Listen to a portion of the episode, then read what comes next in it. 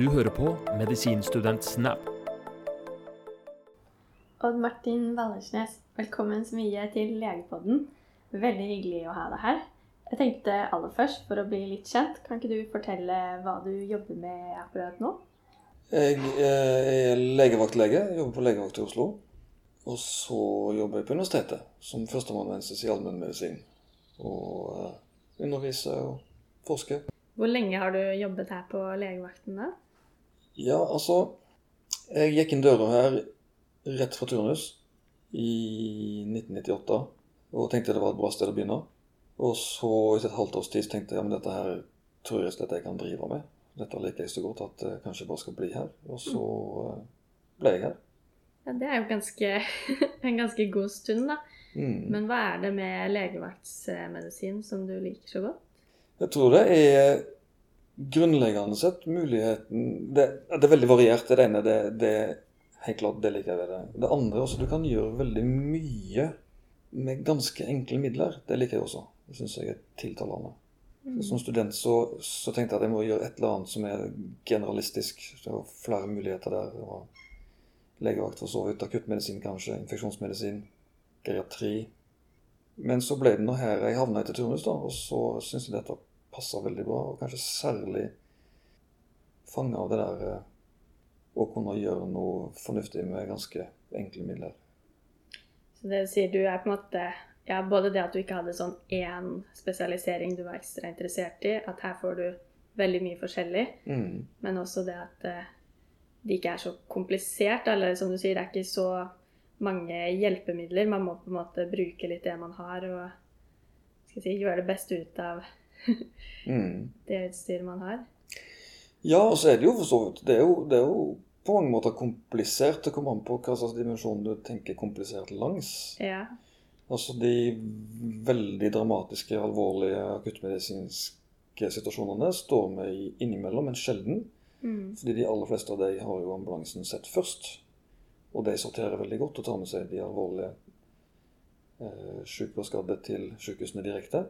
Men det kommer jo noen på døra innimellom, altså på egen, eh, med, for egen maskin, som er ganske så syke. Så vi har liksom et islett av den der ordentlige, dramatiske akuttmedisinen innimellom.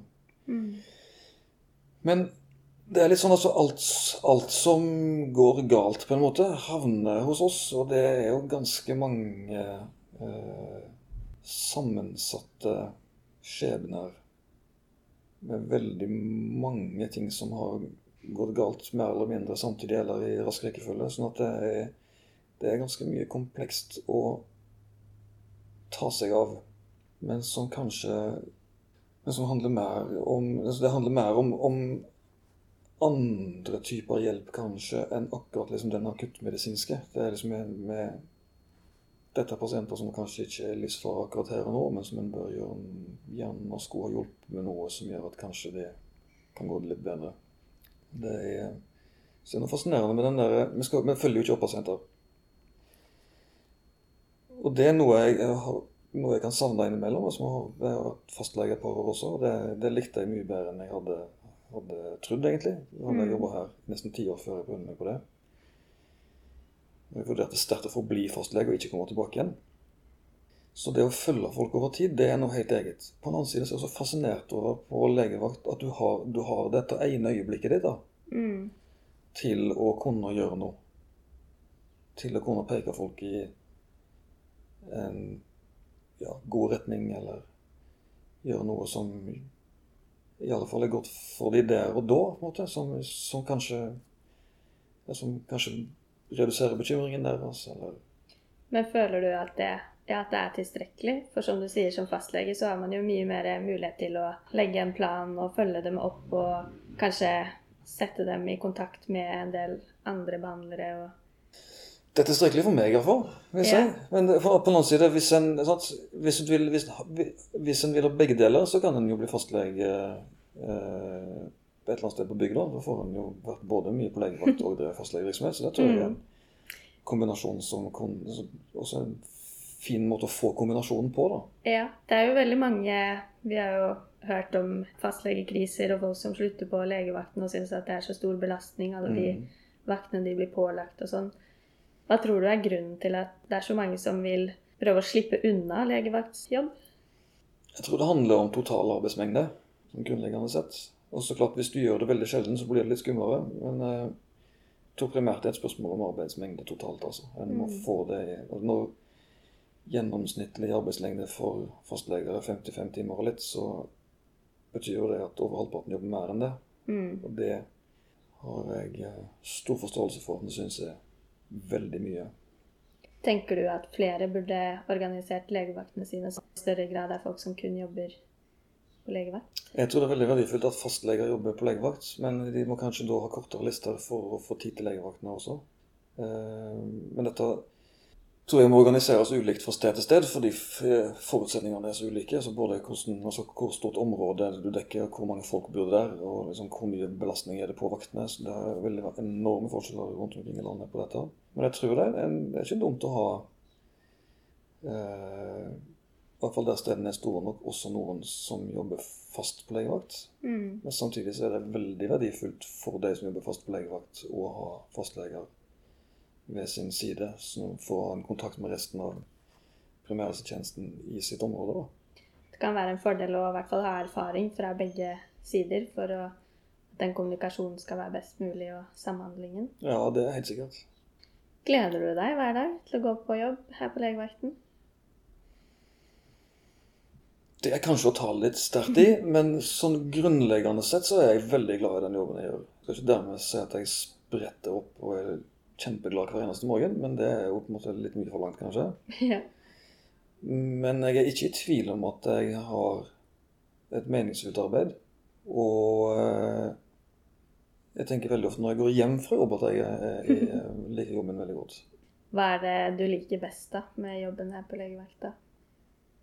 Når du går hjem og tenker at du liker jobben din, er det noe spesielt du tenker på da, eller er det helheten? Det, det, det er helheten, men i, i den helheten så det blir både i pasientmøtene Mm. og det å få til noe på det ene møtet vi har. Og så ligger det i å jobbe tett i lag med andre. Vi er jo mange leger på her, mange sykepleiere, og også eh, folk med andre yrkesbakgrunner. Men det å jobbe, det og får til det, være med å få til at nye, unge, flinke kolleger som får til dette, virker de også, det er kjempegøy, altså. Var det også den på en måte, som du sier, litt drivkraften, eller hva jeg skal kalle det, til å lære bort det du har lært til andre, som også gjorde at du etter hvert ville begynne å undervise? Ja, det, det var det. Ja, fordi dette var jo noe vi drev med hele tida her. og Etter hva som har vært der en stund, så skjønte jeg jo at okay, dette hadde vært greit å, å fått med seg allerede som student. Eh, når det er sagt, så kan det jo hende noen prøvde å lære meg det da jeg var student, uten at jeg fikk det med meg. Så, men jeg tenkte at her har vi noe som det kan være greit å lære bort. Og det var egentlig derfor jeg, jeg søkte meg retning universitetet, og da eh, ble jeg fortalt av min daværende sjef som, eh, at da må, da må du begynne å forske, og det hadde jeg ikke tenkt på. Men jeg skjønte jo at du hadde rett i det, da. Så da begynte jeg med det. Og det viste seg å være, være eh, ordentlig spennende og gøy, det òg. Så nå syns jeg det er fint å drive med begge deler. Og så har jeg fått, vært så heldig å fått en del undervisningsoppgaver.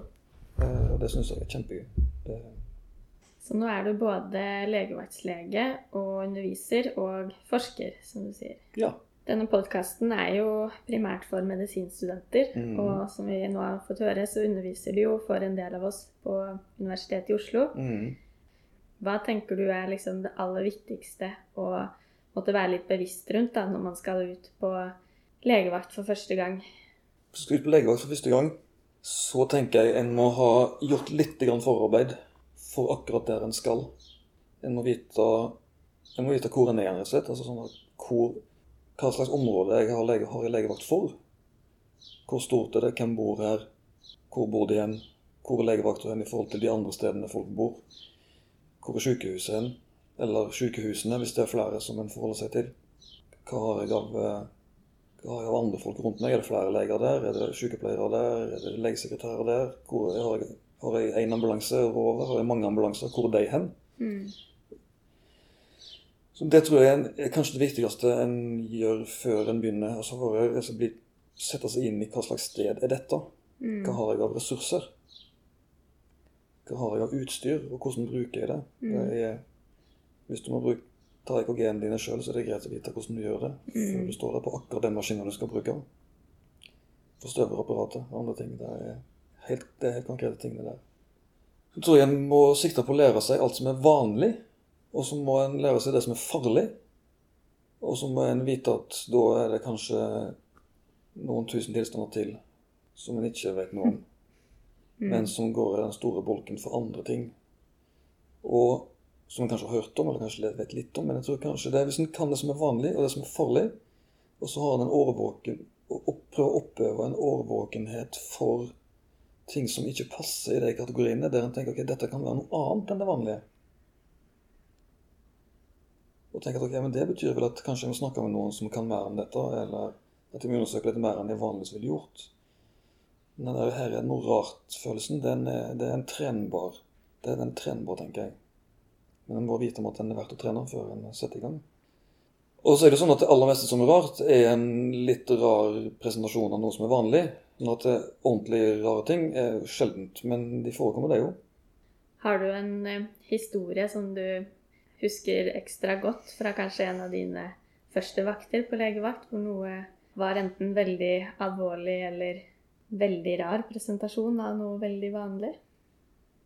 Ja, jeg tror faktisk det var på min eh, Kanskje på faktisk opplæringsdagen min, den første dagen. Og så kom det en drosje i full fart inn i bakgrunnen foran ambulanseinngangen. Og det alltid, har jeg lært meg siden, det er alltid et tegn på at eh, nå, er nå er det litt kritisk. I baksetet der så lå det en eh, mann som var blå og ikke pusta. Og eh, min sjef han tok et raskt blikk på pupillene til han og så at de var knøttesmå, og ropte inn døra og ba noen finne fram naloxone, altså motgift mot opioider, mens vi jobba med å få han ut av bilen og på ei båre. Så det var da klart med naloxone det vi var innenfor døra, og han begynte å puste igjen. Og det er jo en pangstart på et sted. For det er langt, langt mellom hver gang det, det blir så dramatisk som det der, men det er er jo på et vis kanskje noe som var med å stake ut hva jeg har interessert meg spesielt mye for. da. Mm. Som er hvordan vi tar oss av pasienter med rusmiddelforgiftning. Ja, så hvordan er det dere tar dere av pasienter med rusmiddelforgiftning? Det er ikke noe sånn veldig hokus pokus eller mystisk med det vi gjør, men det er rett og slett systematikken i det. Mm. Og har liksom en liste over ting som skal undersøkes, og har en gjort det uten å finne noe skummelt, så kan en stole på at det ikke er noe skummelt. Sånn helt konkret, hva, hva slags verktøy eller du sier en strukturert måte å gjøre det på? Er det noen skjemaer eller noe Ja, det er noe så enkelt som et skjema, rett og slett. Det er Mhm. nedlastbart via legevakthåndboken for alle og enhver. Kan en gå inn og finne det. Så starter man på toppen og jobber seg nedover. Det gjør en. Finner en noe skummelt, så får en gjøre noe med det. Og så finner en ikke noe skummelt, så kan en stole på at det går greit inntil videre. Hvilke punkter er det man eh, via det skjemaet skal undersøke og måle? Det er, det er på en måte den en, I sin enkleste oppsummerte form så er det på en måte hva har skjedd. Mm. Hva har de tatt, og når? Og så vet vi at det er opplysninger vi må ta med en klype salt, men det er jo et, alltid et godt utgangspunkt. Og så er det enkel klinisk undersøkelse, særlig, særlig vekst på vitaltegn og eh, grov nevrologi, og lete etter ytre tegn til skade. Tar dere noe type blodprøve for å finne ut hva slags stoffer de har brukt, eller er det som sier dere Det gjør vi ikke. og Det er, det er, det er, den, diskus, den diskusjonen vi gjør, vi tar på ordentlig med noen års mellomrom, eh, og som veldig mange lurer på når de ser at vi ikke gjør det, hvorfor eller vi ikke gjør det. Mm. det henger nok sammen med at de fleste sånne relevante hurtigtester de er ikke veldig gode. De tar med seg litt for mange noen ganger. altså De er for uh, uspesifikke, og så er de for lite sensitive på en del andre ting. Som gjør at du kan ikke stole på dem. Det gjelder også når de snakker om de klassiske rusmidlene. I tillegg så har det dukka opp masse nye rusmidler de siste 10-15 åra. Sånn typ 800 i Europa i alle fall. Eh, og det er klart at hurtigtestene henger ikke med på dette her. Og så kunne vi jo tenkt seg at vi kunne tatt det som en pekepinn, eh, så det kunne vi jo. Men det vi også vet, er at leger, og særlig nye leger, de stoler veldig mye på prøver. Så Vår bekymring er at de da ville stolt mer på prøven enn på klinikken. Og klinikken duger, altså. Kan bruke det kliniske. Det er det kliniske som er viktig i forhold til å finne ut om dette er farlig eller ikke. Det spiller ikke så mye rolle hva pasienten har tatt for noen ting, hvis du ikke finner noe som er farlig når du Mm. undersøker. Sånn at vi har da overlagt, latt være å bruke tester både blod og urin, eh, fordi vi tenker, heller vil lære legene våre å stole på klinikken. Og sånn er det på en måte i, egentlig litt grunnleggende i toksikologien. Med noen få unntak så er det så er det det kliniske som er det styrende, egentlig. Så jeg tenker litt sånn at årsaken har ikke egentlig så mye å si. Det er mer klinikken til pasienten Mm. her og nå, og følge den Mm. utviklingen. Kan, vi, vi har muligheten for, den ene, ene muligheten vi har, er sånn blåsepromille. Ja. Den er ikke all verdens interessant, den heller. Sånn, fordi at Noen står jo på beina og snakker rent med en promille på fire, og det tar livet av de fleste andre. Mm. Sånn at det er liksom, Hva som er farlig, er ikke et tall. Hva som er farlig, er hva du ser. Så Pasienten som er bevisstløs og puster litt og puste litt for sakte, er jo ille ute uavhengig av promillen. ja. ja det er et veldig godt poeng. Men hvis vi skulle prøvd å dele det litt inn eh, i forskjellige grupper, og gå Mhm. litt sånn systematisk gjennom hva som kan være lurt å tenke på, Mm. så har vi jo i hvert fall veldig forenkla to klasser med rusmidler. Mm. Hvor det ene da er dempende, mens Mm. det andre er stimulerende. Mm. Så er det jo litt sånn på siden med ja, hallusine... Hva skal jeg si? Hallusinogener. Hallusi... Ja, vanskelig å uttale. Men ja, jeg tenker vi i hvert fall kan eh, legge vekt på de førstnevnte, da, og så se litt på dem. Mm. Så hva jeg har notert meg her, da, angående de dempende, så er det jo alkohol, eh, benzodiazepiner og opioider i hovedsak. Mm. Mens de stimulerende, da er det kokain, amfetamin og metamfetamin, ecstasy. Mm. Som er på en måte de to hovedgruppene da, som man Mm. kanskje kan si har litt motsatt virkning på Mm. en det. del områder. Ja. Og så kan du også godt regne GHB som dempende. Ja. Det, det er en veldig hensiktsmessig måte å dele det inn på, fordi det er noen av disse har jo litt sånn der eh, altså, Den blir jo, kan jo bli ganske propell av å gå på å drikke sprit også. på en måte, før, Ja. Og for så vidt også GHB kan noen bli veldig agitert av. Det som blir problemet eller Doserer en videre opp, da, for både med alkohol og med, med, med GHB, så blir en jo innhenta av de mer sånn generelt dempende effektene i testosteron. Og det er Mm. som GHB er litt mer spesielt, så problemet med de dempende midlene er at pusten blir for dårlig. Altså at den puster for langsomt, i verste fall ikke i det hele tatt. Og det kommer først etter at bevisstheten har gått nedom. Altså når en først blir en gjerne åpenbart påvirka eller trøtt og sløv og ukoordinert og, og snøvlete, og så trøtt. Og så når en sovner eller blir bevisstløs, så eh, kan pusteproblemene også dukke opp. Om at en puster for langsomt.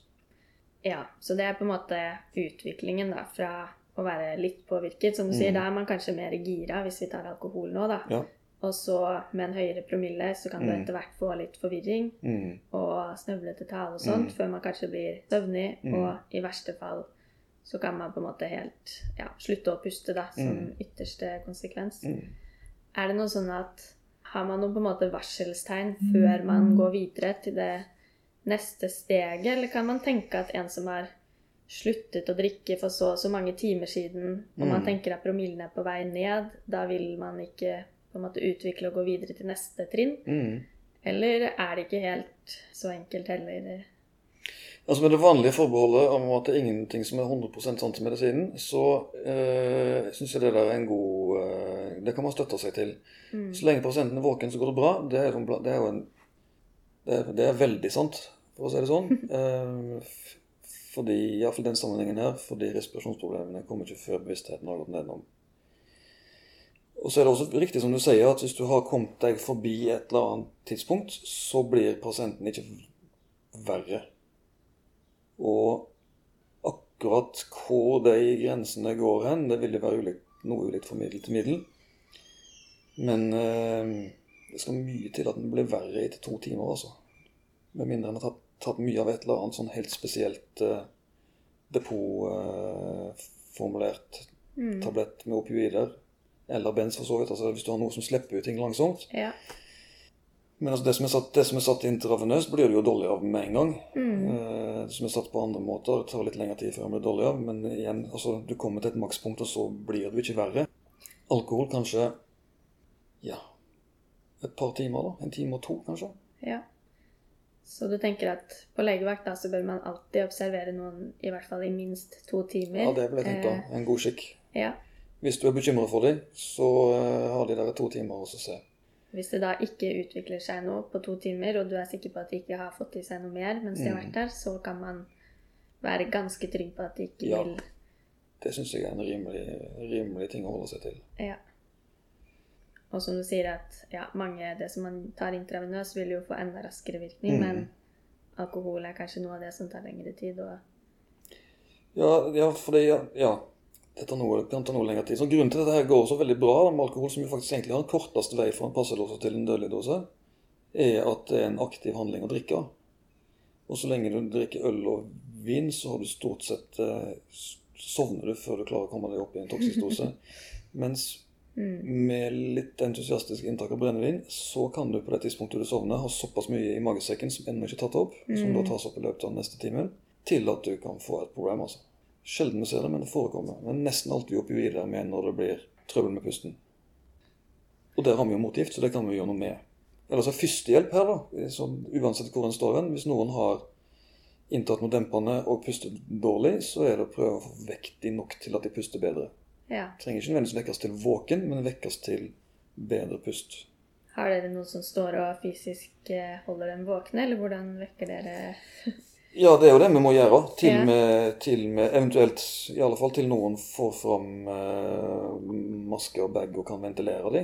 Som jo er ja, Men eh, vi gjør gjerne de tingene ganske samtidig. Og hvis vi har en motgift, så har vi en motgift. Det har vi mot oppvidere og mot, mot benzodiazepiner også. Men hvis noen har pusteproblemer etter alkohol og GHB, så er det på en måte ventilering til de har brent av rusmiddelet sjøl. Så for å oppsummere, da, så som du sier, du vil først ta en anamnese, høre hva har de fått i seg, og når. Deretter vil man måle respirasjonsfrekvens, eh, oksygenmetning kanskje, og tar dere blodtrykk også? Blodtrykk og puls og eh, temperatur. Og eh, så måler vi glukose på alle. Så egentlig Vitalia pluss glukose. Ja. Og så, som du sier, så vil de fleste da være her til observasjon, i Mm. hvert fall i to timer. Ja, men liker ikke å slippe de ut døra før det har gått to timer. Eh, og så har vi også en regel til, og det er at eh, hvis de ikke våkna opp etter fire timer, Ja. da er det noe annet enn det vanlige. Men våknet opp, du mener at de liksom ikke har kviknet de, hvis, til, eller ikke blitt bedre, på en måte? og hvis de ikke er vekkbare, og kan jo redde, de kan godt være trøtte fortsatt. Ok, så du, dere lar dem sove her? Eh, Ja, og vekke dem med jevne mellomrom. Vi følger med. Sant? Vi har ja. Følge med på pusten med pulsoksymeter og, Ja. og RF og, eh, og GCS mens de er her. Observerer de. Hvor og ofte tar dere GCS og vekker dem? hver halvtime eh, minst. Kanskje litt oftere første timen hvis det trengs. Det kommer litt an på. For det Ja. er jo veldig stor forskjell her på en ung person som har drukket altfor mye, og, eh, og hvor det er problemet. Det går nesten alltid bra. Og en mer fysisk sliten pasient som injiserer både sentral, både dempende midler, både gjerne heroin og amfetamin og bruker benzodiazepiner i tillegg, så var har da en utgangspunktet mye sykere person, somatisk sett, som har blanda mange rusmidler i tillegg. Som er en mye mer kompleks eh, pasient å ta seg av og passe på. Liksom, det, det er mye mer som kan gå galt der. Så, og det er da en pasient som må passes mye nøyere på, altså observeres tettere. Og så som du sier, hvis noen da får en veldig lav respirasjonsfrekvens, Så må vi gjøre noe. og kanskje en forhøya puls, Mm. så vil man prøve å Ja, da må man igangsette tiltak. Og da, som du nevnte, da har man eh, motmidler, holdt jeg på å si, antidotes, Mm. mot eh, både opioider Mm. og benzo. Ja. Mens eh, alkohol, der er det mer å ventilere med Ja, det, må, det blir mekanisk ventilering på et eller annet vis. da, Enten Ja. bag, bag av maske eller noe. Sant? Og oksygen, da, sant? for det, det trenger en jo. Men det grunnleggende problemet er at de ikke trekker pusten ofte nok. Ja. Så oksygenet hjelper bare i noe monn. De har godt av det, men det viktigste er at de må ha en respirasjonsfrekvens som eh, duger. Man hører jo sånne historier om folk som har drukket så mye, og så ble de sendt på legevakta, og så husker jeg ikke ordet for det. Men pumpet, ja. Ja, Pumpet det er det man er, snakker om. Hva det er er en seigliva myte. Ja. Pumping er jo ventrikkeskylling. Det er det ingen som har gjort på legevakta siden 70-tallet. Men det, det lever som fenomen i media fortsatt, altså. Og alle lurer på det, om det er mange som blir pumpa her. Ja. Og det å ventrikkelskylle noen for alkoholforgiftning er jo ikke meningsfylt. Det åpner stort sett bare skyllalkoholen lenger ned i tarmen. Så eh, det har en da heldigvis gått bort fra. Mm. Nei, så da er det egentlig ikke noe på en måte behandling eh, når det gjelder alkoholoverdose. Da er det mer å observere, Mm. og så støtte med oksygen og ventilasjon. Ja, støtter, støtter respirasjonen hvis det trengs. Ja. Og hvis ikke, observere og passe på at det går bra. Og lete etter andre mulige forklaringer på den tilstanden du ser. Og blodsukker nevnte jeg i stad. altså Hypoglykemi kan se ut som hva som helst av rusmiddelpåvirkning.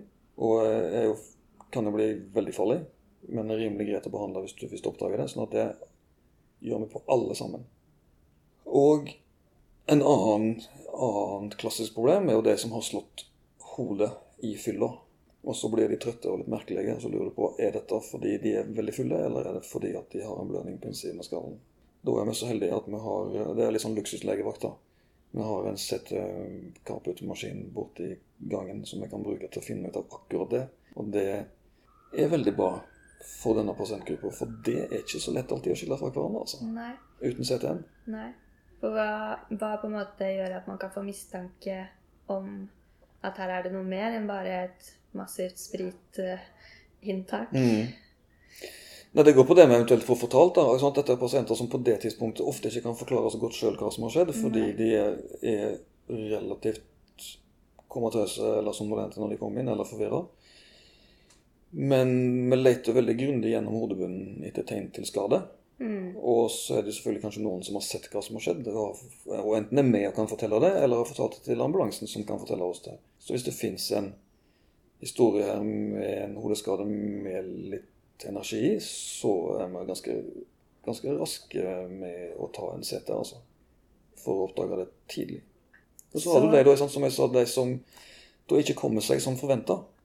Da må vi gjøre noe mer. Noen ganger så er det å ta en CT, andre ganger så er det å legge det inn. For å tenke at her er det, her er det mer. Da sender dere i ambulanse til akuttmottaket? Ja. Og så igjen, som jeg sa, den, den litt mer sånn komplekse grupper av, av eh, til dels ganske somatisk slitne og sjuke injiserende rusmiddelbrukere. Hvis de blir sjuke av noe annet, så blir det litt sånn geriatriske på en måte. Altså, de er såpass slitne at de, de blir forvirra eh, eh, når de får akutt sykdom, sånn som vi er vant med at gamle folk har det.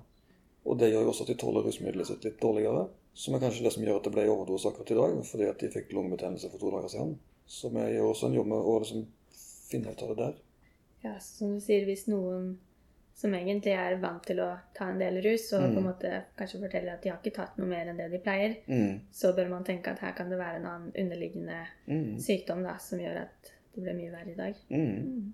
Så det er viktig å tenke på. Vi kan snakke litt om de sentralstimulerende også, da. Eller Ja. stimulerende midlene, som jo er den andre store bolken. Ja, da har jeg notert meg kain, amfetamin, metamfetamin og ecstasy. Ja, det er stort sett det. Og veldig mange av de nye rusmidlene er også ulike varianter av stimulerende midler. Ja.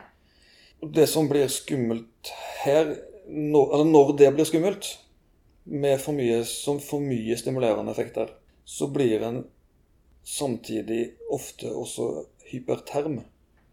Det er veldig mye annet som går galt samtidig, da, som mange andre effekter av, av for mye stimulering, men hypertermien er et tegn på at nå skjer det. Og da, det også, eh, det, da legger vi pasienten inn når de blir hyperterme. Og dette er ikke som feber, men her er det på en måte det som er som heteslag, altså temperaturregulering. og Ok. Så det er ikke noe dere måler? Jo da, vi måler det med termometer, men sånt feber, feber på 40 er, er ubehagelig, men ikke farlig i Mhm. seg sjøl. Det kan være noe annet som gjør at du får feberen, som kan være skummelt. Men ja.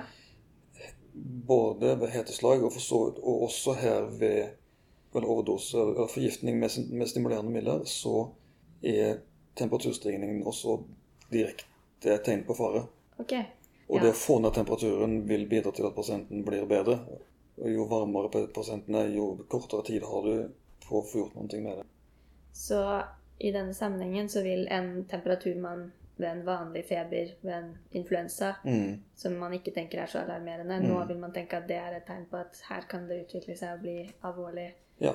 ganske raskt. Idet noen går over 39, så er det, må en gjøre det en kan for å få ned den temperaturen igjen. Og da, der, der er førstehjelp å gripe til det en måtte ha å kjøle pasienten ned med. som det er kalde kluter eller isposer eller snø eller hva en måtte ha. Men Oi. det, det er en har dårlig tid, og det er bare å sette i gang. For hva er det som kan skje med disse hvis de fortsetter å bli varme? Eller som du sa, det er kanskje mer en pekepinn på at noe annet galt kan skje. Ja, det går veldig, veldig mye som skjer samtidig der, og det ender jo med multiorgansvikt i løpet av et stykke tid hvis ikke en får snudd det. Med rabdomyolyse og mye annet. Oi. Så eh, det, det er heldigvis ikke noe vi ser veldig ofte, men det er jo frykta. Så er det i tillegg den, det andre ting, Du kan få arytmier da, av disse her. Og eh, så høyt blodtrykk at det blir et problem. Altså at det gir en, en akutt malign hypotensjon, rett og slett. Og så kan disse midlene lage spasmer i arterier, og det er jo upraktisk. Som gir hjerneslag eller Ok. hjerteinfarkt eller kjemi i buk og ekstremiteter, litt avhengig av hvor du sitter. Så både at du kan få et veldig høyt blodtrykk Mm. i tillegg til disse spasmene, Mm. og da kan du plutselig få ja, blødninger eller Ja, sant, det er vel Blodtrykket kunne gi deg en, en interkanial blødning hvis du har et svakt punkt et sted. Mm. eh, mens spasmene vil jo lage et iskjemisk hjerneslag. okay, eller et ja, hjerteinfarkt. Eller du får en Ja, i kjemi nedstrøms. Det, I buk og ekstremiteter gjør jo det skrekkelig vondt, så det er ikke en diagnose en er veldig mye i tvil om når den først Mm. kommer. Og det er jo ordentlig kjemisk smerte, altså. Og hva gir man av behandling Det er da gir vi diazepam intravenøst. mot disse spasmene? Ja, hvis vi er heldige, så løser det spasmene også, men også for å dempe ned sentralstimuleringer sånn generelt, og for å holde pasienten i ro, som også er gunstig. Så eh, ja. Og det er grunnen det. Sånn i grove trekk iallfall, som blir skummelt med sentralstimulering. Det er jo også mange som er redd for å få psykose. Ja. Um, og kanskje aller mest få en vedvarende psykose. Mm. Er det noe dere ser mye av her? Det ser vi en del av. Og det, det er jo for så vidt det som blir skummelt med de hallusinogene effektene, som jo er knytta mest til de hallusinogene midlene.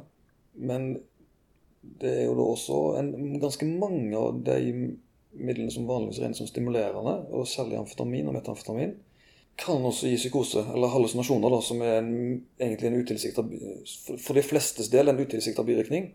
Og der ser vi en del, en del psykose.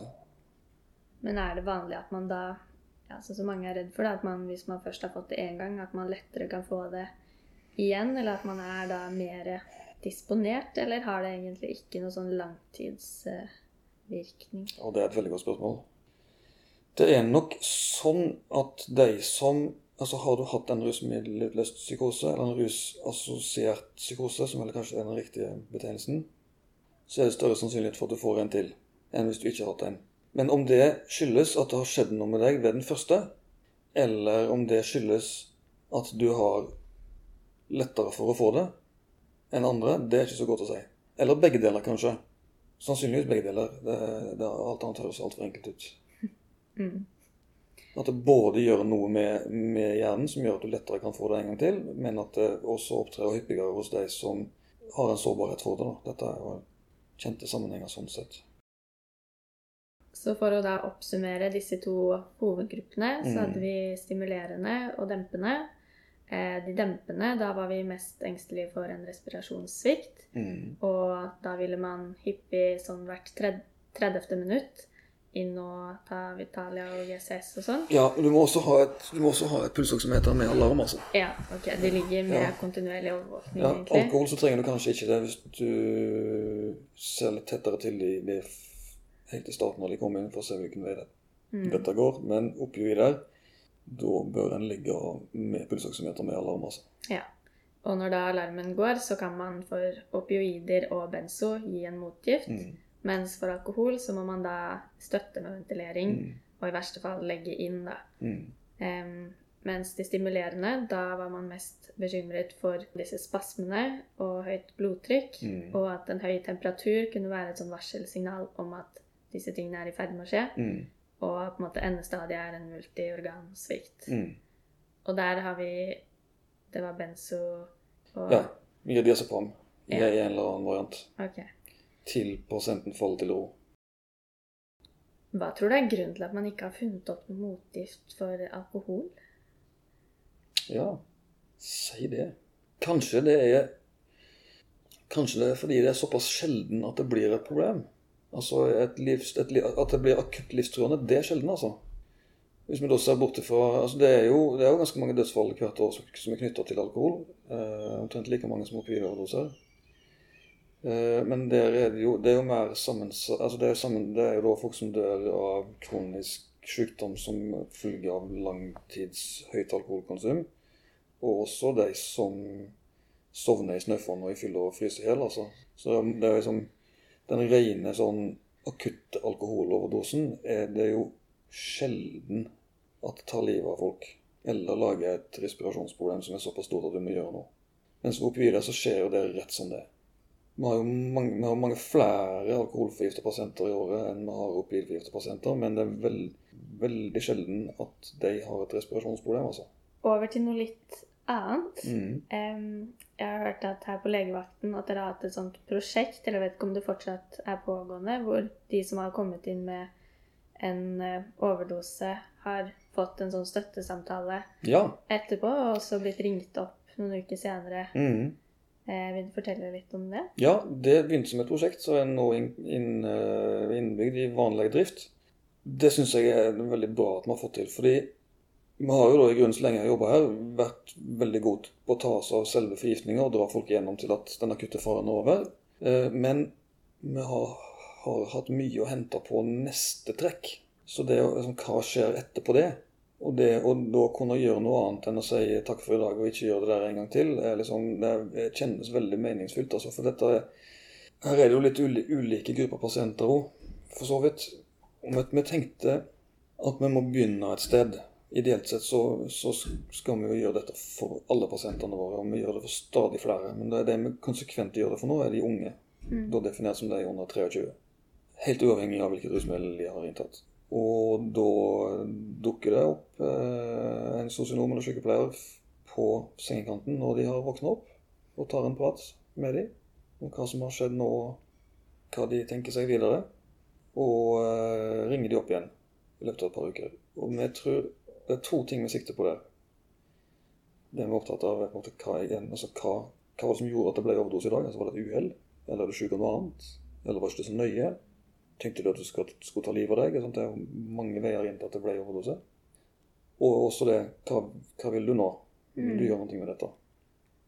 Og så tror vi det at ved at vi tar denne praten, det finnes det god evidens på det, så reduserer en, en eh, iallfall på gruppenivå, risikabel rusatferd et stykke tid etterpå. Det er et konsept som, som på engelsk blir kjent som brief intervention. Det finnes ulike varianter av det. Men bare det å ta det opp og ta en prat om det, gjør en forskjell på gruppenivå. Det andre vi er opptatt av, som er opptatt av, av den effekten Det andre vi er opptatt av, er på en måte en sånn helt enkel liten kartlegging av om det er noen spesielle risikoer her. Er dette, er dette noen som er spesielt ille ute, som kanskje vi skal stå på litt mer for enn bare praten? Som kanskje trenger ruskonsulent, eller kanskje trenger eh, å bli henvist til ruspoliklinikk, eller psykolog, eller eller DPS, eller eh, hva man måtte finne mest hensiktsmessig. Og mange av de har det kanskje allerede, oppfølging. Men kanskje de har falt ut av det. Så det å finne ut hva har de, og passe på at liksom det, dette, at de blir kobla på igjen, det gjelder at eh, det, det, det tror vi også har noe for seg. Så Det, den der overdosesituasjonen er liksom, den er ganske, det er ganske rystende for folk å våkne her og har vært For, for mange av de som har tatt en opioidoverdose, har jo vært mer eller mindre død eller nesten død. Altså. For de som en, en stor gruppe her er jo ungdom og unge voksne som drikker for mye en kveld. Og det er klart at der er det nok en del en del eh, såkalt hendelige uhell også. Men på en annen side, hvis vi tenker på en, på en travel nattevakt her en helg, så har vi kanskje mellom 20 og 25 som er inne til observasjon for alkoholforgiftning. Og det er, det er mange etter vår lokale inn, målestokk i huset. Og det er ingen som er i tvil om at det er mange når du jobber den vakta. Hvis du tenker på hvor mange som er ute på byen og drikker, så er 25 ganske få. Ja. Og vi tror ikke at det er et helt tilfeldig utvalg av de som da havner her. Nei. Det er sikkert mange andre som er minst like fulle som de som havner hos oss, bak sofaer og under bord rundt omkring, men, men sant, det er noe det, vi tenker nok at det er litt over snittet risikabel rusatferd som ligger bak at den da havner hos oss, en lørdagskveld. Og derfor gjør vi dette litt sånn til alle. Tar en prat. Det hørtes jo veldig bra ut, da. Men er det noe annet enn samtale man kan tilby disse pasientene? Altså, det vi har å spille på eh, i etterkant av, av eh, overdosen sånn utover, utover en ivaretakende og og samtale, eh, er jo for så vidt de vanlige eh, faste tiltakene som finnes. Altså fastlege, ruskonsulent i bydel eller kommune, ruspoliklinikk, privatpraktiserende psykologer, psykiatere, DPS-er.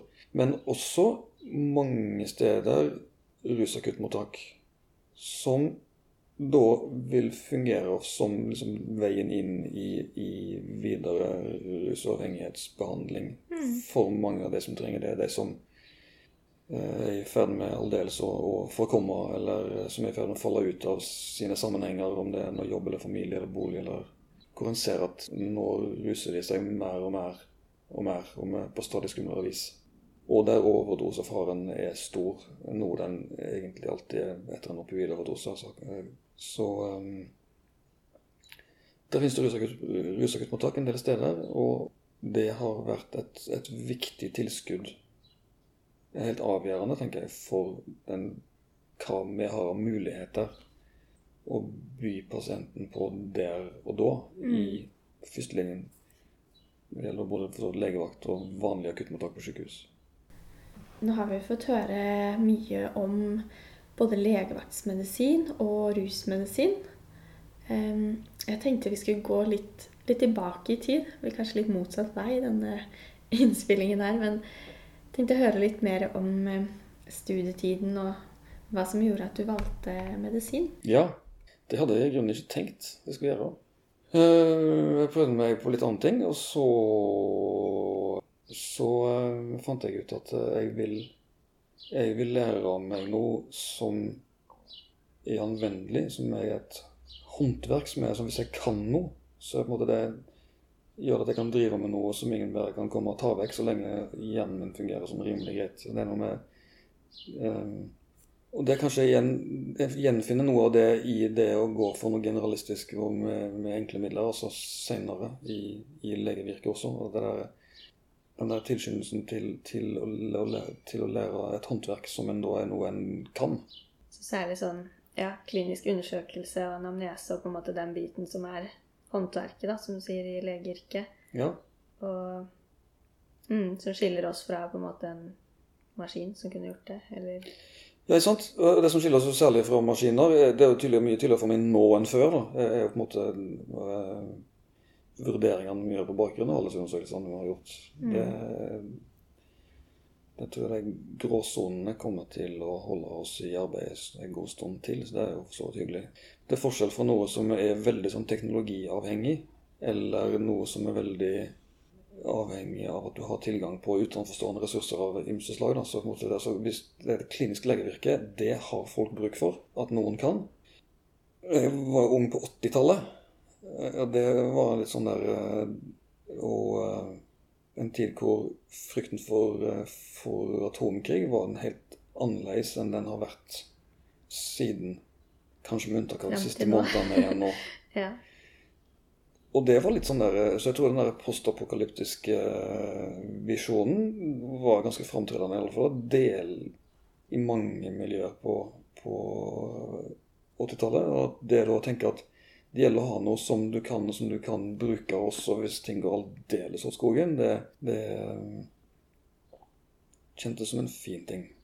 Det er jo sannsynlig at eh, det, har jo, det er mange grunner til at eh, en kan tenke seg at sivilisasjonen går nedenom. Ja. Men den trenger en doktor. altså. Jeg tenkte, husker jeg tenkte det, sånn, okay, hvis, jeg, hvis, jeg, kan klinisk legevirke, så får jeg alltids bytta det mot et brød, altså. ja, det er et godt poeng. Hvordan var eh, studietiden din, da? Ja, det var gøy. Gikk du her i Oslo? Ja. Det var du engasjert i noen studentforeninger, eller jobba noe ved siden av? Altså, da jeg bestemte meg for studentmedisin, så tenkte jeg at eh, det er jo et potensielt ekstremt absorberende miljø. Hvor du liksom kan få dekka alle dine behov. Og så tenkte jeg at det kan jo fort bli veldig slenspora. Så hvis jeg skal begynne å studere medisin, så må jeg gjøre noe annet ved siden av. Ellers så får jeg ikke lov. Og som jeg sa i stad, så var dette, dette var jo 80-tallet, og jeg var ganske sikker på at, eh, at uh, verden var på vei nedenom. Og jeg tenkte at vi må jo kanskje prøve å gjøre noen forskjell i det. da, Hvor, hvor går det an å gjøre det? Og partipolitikk var liksom ikke helt mye greie i dette, sånn at jeg tenkte at jeg får gå inn og gjøre en politisk innsats et annet sted. Og gikk da inn og jobba på Kafé Blitz. Og det holdt, begynte da på medisin og på Blitz omtrent samtidig. Og for de lytterne som ikke vet hva Kafé Blitz er, vil du kort fortelle? Det, det, var og er et, et, et uh, ungdomsmiljø med et uh, innslag av var politisk aktive på venstresida fra sånn tidlig 80-tall. Og drev med Jobba mot uh, Altså drev med antirasisme. internasjonalt solidaritet solidaritet med andre som slåss mot undertrykking. Mange som var, var eh, på den tida i alle fall, også mange som var aktive i fagforeninger. Det er helt klart en generelt kamp mot undertrykking på mange felt. Er du fortsatt engasjert i disse sakene i dag? Jeg er ikke politisk aktiv sådan. Men jeg tenker jo at den, den grunnholdninga som, som, brakte meg inn dit, og som vi hadde i, i, i det arbeidet, det, det, ligger til grunn for min faglige aktivitet nå, vil jeg si. Altså gode helsetjenester for alle. Mm. Det er så viktig. Jeg lurte på, Har du noen gode tips til hvordan medisinstudenter i dag kan engasjere seg? Finn det stedet du tenker passer for deg. Hvis du vil gjøre en forskjell, hvor kan du gjøre en forskjell? Og sammen med hvem? Ja, det høres ut som en eh, god start, i hvert fall. Jeg tenkte vi helt til slutt skal bare gjennom et eh, par kjappe spørsmål Faste, faste spørsmål stiller alle gjestene våre her. Så bare setter vi i gang. Hva er ditt beste faglige tips til eh, medisinstudenter? To ting. Det ene sa jeg i stad for så vidt. Det er det der med at en må lære seg det vanlige og det farlige, og det å overvåke, så man trener overvåkenheten for ting som ikke passer i de kategoriene en da har. Og det andre er at uh, klinisk medisin det handler om beslutninger. Sånn at hvis en har det med seg liksom fra konsultasjonens start, at det skal ende med en bestemmelse, og allerede tidlig begynne å tenke hva slags mulige beslutninger er det jeg har her, da kommer en raskere til beslutningen, og en kommer også raskere til å få rydda sin medisinske kunnskap til noe praktisk anvendelig. Da jeg begynte å jobbe, eller da på slutten av studiet, tenkte jeg at jeg må, jeg må bli veldig god på anamnese og undersøkelse og eh, for så vidt supplerende undersøkelser. For når jeg har gjort alt jeg trenger, så kan jeg sette meg ned og finne ut hva jeg skal gjøre. Og det er jo for så vidt sant, men det tar himla mye tid. Så hvis en vet at eh, jeg skal, jeg skal til beslutningen, og lar det organisere liksom sin medisinske kunnskap rundt at det er beslutninger som er poenget her, så tror jeg at en raskere kommer dit. Det der er jo Den derre forvandlingen av en enorm kunnskap til praktisk anvendelighet som foregår gjennom de siste halvannet året på studiet og de neste halvannet årene som LIS1, og et stykke, og selvfølgelig videre etter det òg. Men særlig de der tre årene der, altså de siste på studiene pluss LIS1, det, det, er en, um, det er litt av en jobb, altså. Jeg tror det med å tenke beslutning kan være med til å rydde den litt tidligere.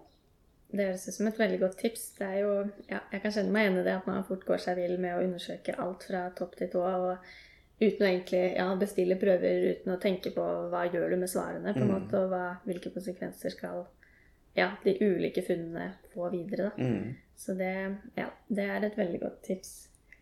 Um, hva er det beste karrierevalget du har tatt? Det tror jeg må være å bli på legevakta. ja, det er bra svar. Bra reklame for legevakta. Hva gjør du selv for å ta vare på din egen helse? Jeg går mye. Jeg er så heldig å ha en livsledsager som jeg eh, snakker med om eh, stort og smått og også de og, som eh, driver i en beslekta bransje som er, liksom, har en del av de, del av de alvorlige tingene har med, har med også sånn yrkesmessig til felles. Det er fint. Og så eh, passer jeg på at eh, jeg har noen At jeg får dytta litt på vettet mitt innimellom. Dytta på hva for noe? at jeg liksom får noe At jeg får en Jeg passer på å få Jeg går i teater, jeg går på konserter, jeg ser kunst. Eh, og det er veldig fint med til dels merkelige ting på disse feltene. Fordi det liksom Det dytter litt på Dytter på meg. Det er bra. Det er å komme ut fra en teaterforestilling og tenke at det der skjønte jeg jammen ikke mye av. Men hva i verden er dette? Hva var dette? Det, er liksom, det, er, det tror jeg er, for, for, for vår del, da, eh, ganske så restituerende, altså. Og eh, bidrar til å holde oss eh, nysgjerrige og undrende. og viktig å lese og sånn. Det, med- det å ha tid til Tid til det. Og hvis du da skulle valgt en annen spesialisering, hvis ikke legevaktsmedisin fantes, så hva ville du gått for da? Altså jeg tror, Hvis jeg hadde vært ny, nyutdannet nå, så ville jeg nok tenkt at akutt- og mottaksmedisin var et sted å gå. Som jo blir hospitalvarianten av mye av det jeg holder på med. Um, og til dels med ganske mye sykere pasienter enn det vi har her, stort sett. Eventuelt geriatri, altså. Og til slutt, hvis du var eh, helseminister og fikk eh, 100 millioner eh, Du skulle starte et prosjekt innenfor helse. Det viktigste en kan gjøre akkurat nå, tror jeg, er å berge fastlegeordningen. Ja, men Da lar vi det bli siste ord for i dag. Tusen takk for at du ble med på podkasten. Jo, takk for at jeg fikk være med. Takk for nå. Vi er Medisinstudentsnap. Følg oss på Instagram. Der har vi quiz hver dag og mye annen medisinsk moro. Ha det bra!